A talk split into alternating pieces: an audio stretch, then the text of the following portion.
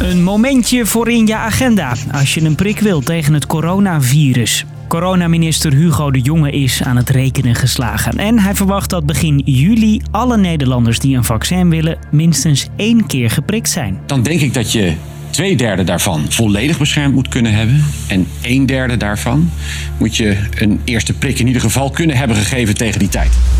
Opvallend, want eerder mikte het kabinet er nog op om voor de herfst iedereen gevaccineerd te hebben. Voor de herfst iedereen gevaccineerd, dat zou hartstikke mooi zijn.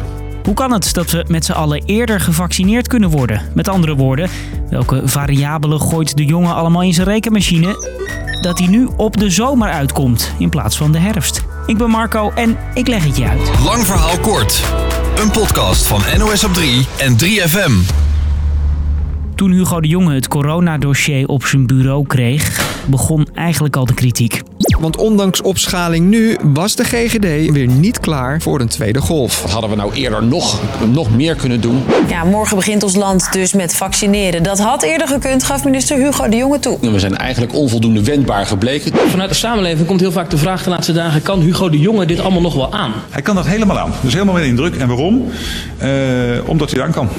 In juli iedereen die wil al een prik. Het is nogal een gewaagde uitspraak van de jongen.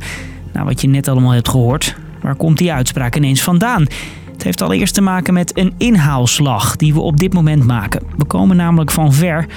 Dit was eind januari. Ja, naar mijn idee had het allemaal wel wat, uh, wat vlotter gekend. Moet wat sneller. Ze zwabberen met alles zo ontzettend. Het gaat niet sneller. Ja, ik had liever uh, vandaag nog ingeënt willen worden als morgen. Volgens mij hadden ze dat, dit al wel veel eerder kunnen inplannen.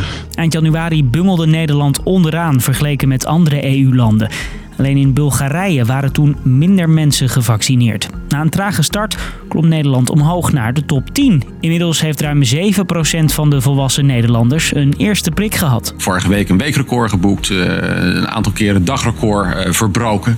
Dagrecord staat nu op eh, een kleine 66.000 mm. vaccins per dag en ruim 300.000 per week. Maar dat gaat de komende tijd nog heel veel verder omhoog. Oké, die inhaalslag dus. Maar ook de vooruitzichten vanuit de vaccinfabrieken zijn goed. Zo komt het Janssen-vaccin, ook wel het Johnson Johnson-vaccin genoemd, steeds dichterbij. In Amerika werd het middel afgelopen weekend goedgekeurd. Third safe effective vaccine and is out. They've approved it today. En waarschijnlijk geeft het Europees Medicijnagentschap volgende week groen licht voor het Janssen-vaccin. Komt goed uit voor de jongen en zijn vaccinatiestrategie.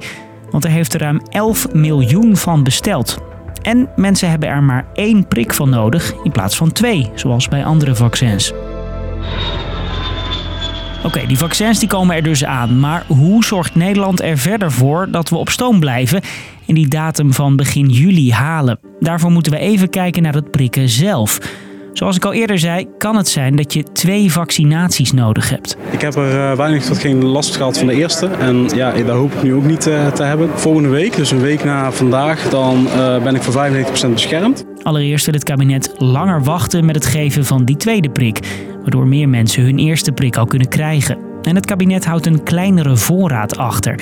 Daarnaast is de priklocatie belangrijk. De eerste twee grote priklocaties waar je in Brabant vanaf januari een coronavaccin kan krijgen zijn bekend. Ik ben hier aangekomen in de ruimte waar je moet wachten voordat je de locatie ook daadwerkelijk ingaat. Het lijkt hier wel de Efteling of het vliegveld als je zo kijkt naar die rijen. Maar nu staan de deuren van de vaccinatielocatie een best wagenwijd open. Om genoeg prikcapaciteit te hebben, zoals dat heet, komen er meer GGD-locaties bij en moeten huisartsen gaan helpen met vaccineren. Als dat lukt, kunnen er vanaf april tussen de anderhalf en 2 miljoen prikken per week worden gezet. En ook ziekenhuizen hebben aangeboden bij te springen als huisartsen toch niet snel genoeg kunnen opschalen. Dus, lang verhaal kort. Hoe gaat minister De Jonge ervoor zorgen dat begin juli iedereen die een vaccin wil minstens één keer geprikt is?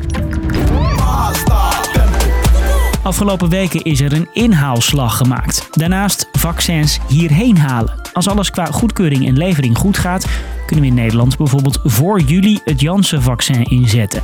En er wordt gepuzzeld met voorraden en priklocaties om ervoor te zorgen dat het tempo er ook echt in blijft. En dat de jongen straks niet weer zo voor de microfoon staat. Een hele grote fout Nou. gemaakt. Ja, en die moet ik herstellen. Dit was hem dan, deze lang verhaal kort. Ja, we zijn er pas net in je podcast-app. Heb jij nou ook feedback of tips voor ons? Mail dan even naar lvk.nos.nl. En volg ons ook in je favoriete podcast-app. Hopen we je morgen weer te prikkelen met een nieuwe aflevering. Doei!